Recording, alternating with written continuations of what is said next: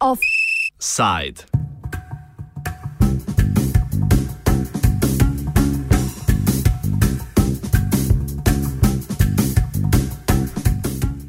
Zainteresirana javnost je danes pričakovala opredelitev Evropskega parlamenta do pogajanj o prostotrgovinskem in investicijskem sporazumu med Unijo in Združenimi državami Amerike, kraš, krajše TTIP, oziroma sprejetju smernic za nadaljne postopanje komisije vizavi ameriških pogajalcev. A nič od sila pričakovane seje. Predsedujoči parlamentu Martin Šulc je sinoči današnje glasovanje odložil za nedoločen čas, kot obrazložitev pa navedel potrebo po nadaljem usklajevanju političnih sil parlamenta glede uloženih amandmajev.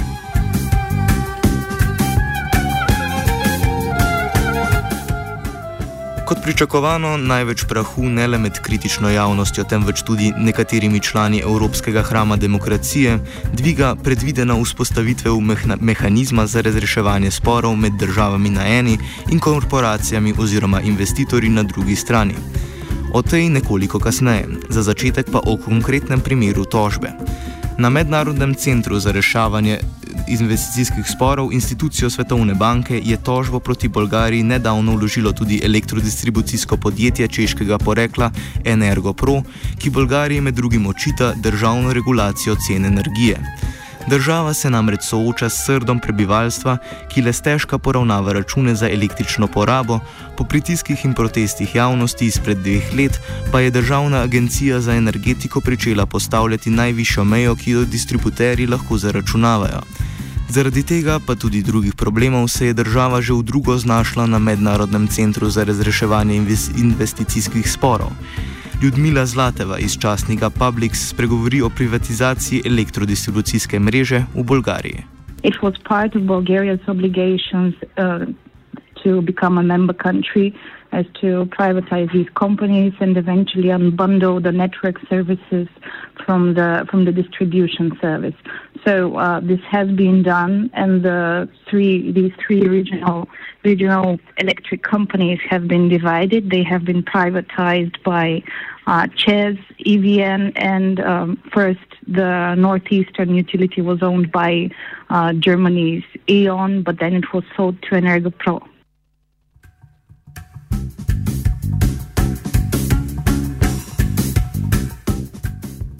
Poglaviten razlog za tožbo Bolgarije je neizpolnitev zavez Bolgarije do korporacij glede poplačila stroškov za po zakonu obvezen nakup električne energije iz naslova obnovljivih virov energije.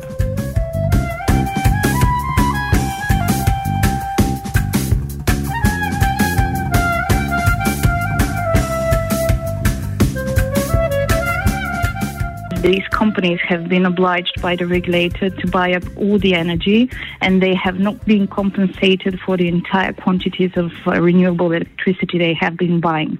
So the compensating uh, obligation is of a state-owned company called the National Electricity Company.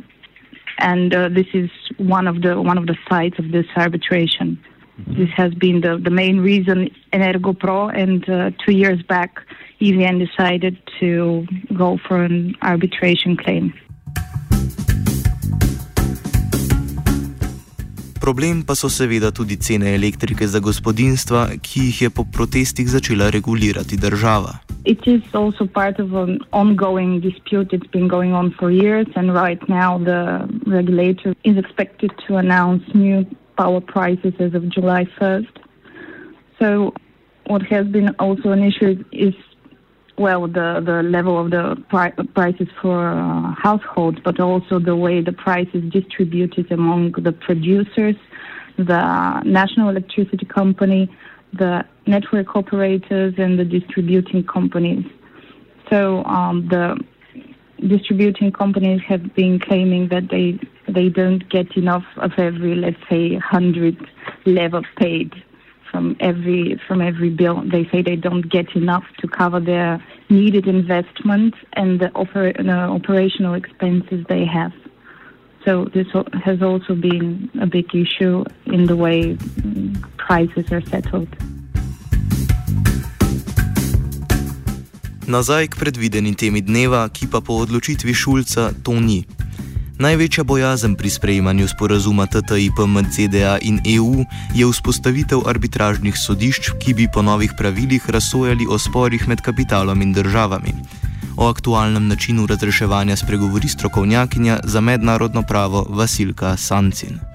Po svetu ne, je sklenjenih preko 3000 takih mednarodnih investicijskih sporazumov, bodi si bilateralnih, se pravi med dvema državama ali pa večstranskih med večjimi in uh, preko 1600 jih je tudi sklenjenih z Evropsko unijo oziroma njenimi državami članicami. In te sporazumi več ali manj vključujejo določbe, ki za reševanje sporov, ki bi šli ne, iz tega odnosa, predvidevajo arbitraže. To so lahko bodi si arbitraže v okviru Mednarodnega centra za reševanje investicijskih sporov, lahko so pa tudi čist ad hoc arbitraže posebej izpostavljene za posamezen primer.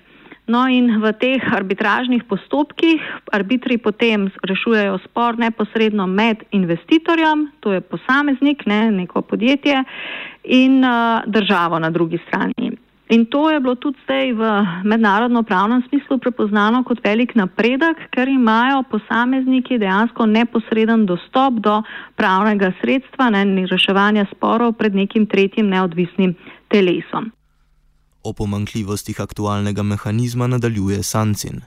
Je pa res, da je praksa pokazala nekaj pomankljivosti v teh mehanizmih in sicer pojavljajo se očitki neodvisnosti, nepristranskosti arbitrov in sploh njihovemu izboru, potem glede same transparentnosti teh postopkov, potem tudi mm, glede možnosti um, kakšnih zlorab, ne, če bi investitorji vlagali take škodljive zahtevke samo zato, da bi Eh, zaustavili celoten postopek regulacije v posamezni državi, čeprav vedo, da bodo na spor na koncu zgubili ne, in tudi statistika kaže, da je večina sporov razsojenih v korist držav. Uh, pa tudi ne, to, da ni pritožbene stopne, se pravi, razsodba arbitražnega tribunala je dokončna, ni pritožbe in jo morajo uh, države izvršiti.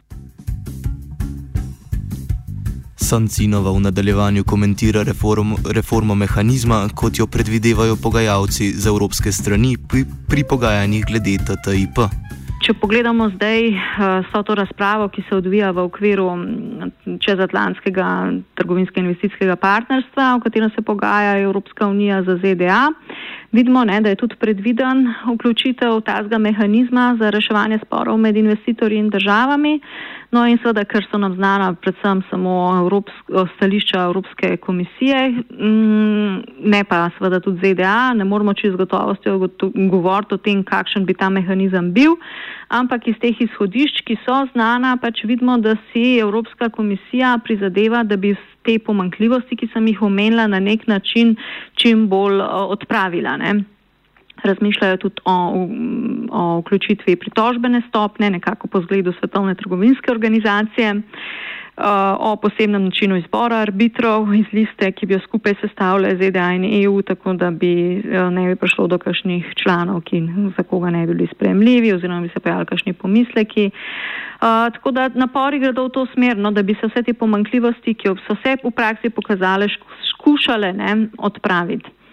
Um, je pa tudi res, ne, da te sporozumi, ki že obstajajo, bodo obstajali še naprej. In uh, tudi, če tak mehanizem ni vključen, recimo v končno različnico trgovinskega in investicijskega partnerstva ZDA in EU, če bo ta sploh kdaj sklenjen, seveda, uh, to ne bo izničilo že vseh obstoječih takih mehanizmov, ki obstajajo na podlagi vseh sklenjenih bilateralnih in pa drugih večstranskih sporozumov, ne, tudi med številnimi članicami Evropske unije. Glede na to, da prevladuje mnenje, da aktualni mehanizem, pri katerem statistično največ uspehov žanjajo države, ni ustrezen, se zdi pomislek, da bi bil nov mehanizem bolj odprt do korporacij logičen. Sancinova meni, da vsaj evropska stran ne bo pristala na manjše regulativne moči držav.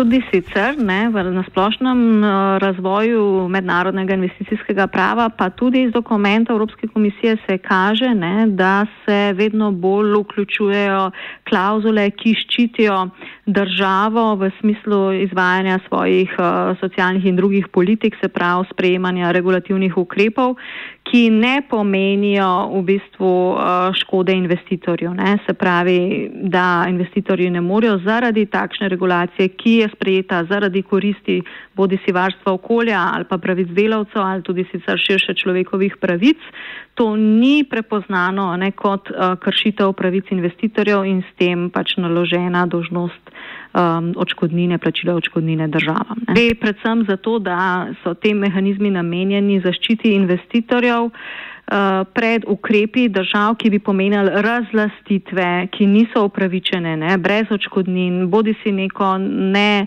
um, enakopravno obravnavo, se pravi diskriminatorno ne, obravnavo investitorjev uh, iz različnih držav in podobni ukrepi, ki očitno predstavljajo ne, njih, kršitve njihovih pravic neupravičeno je miril Jankovič.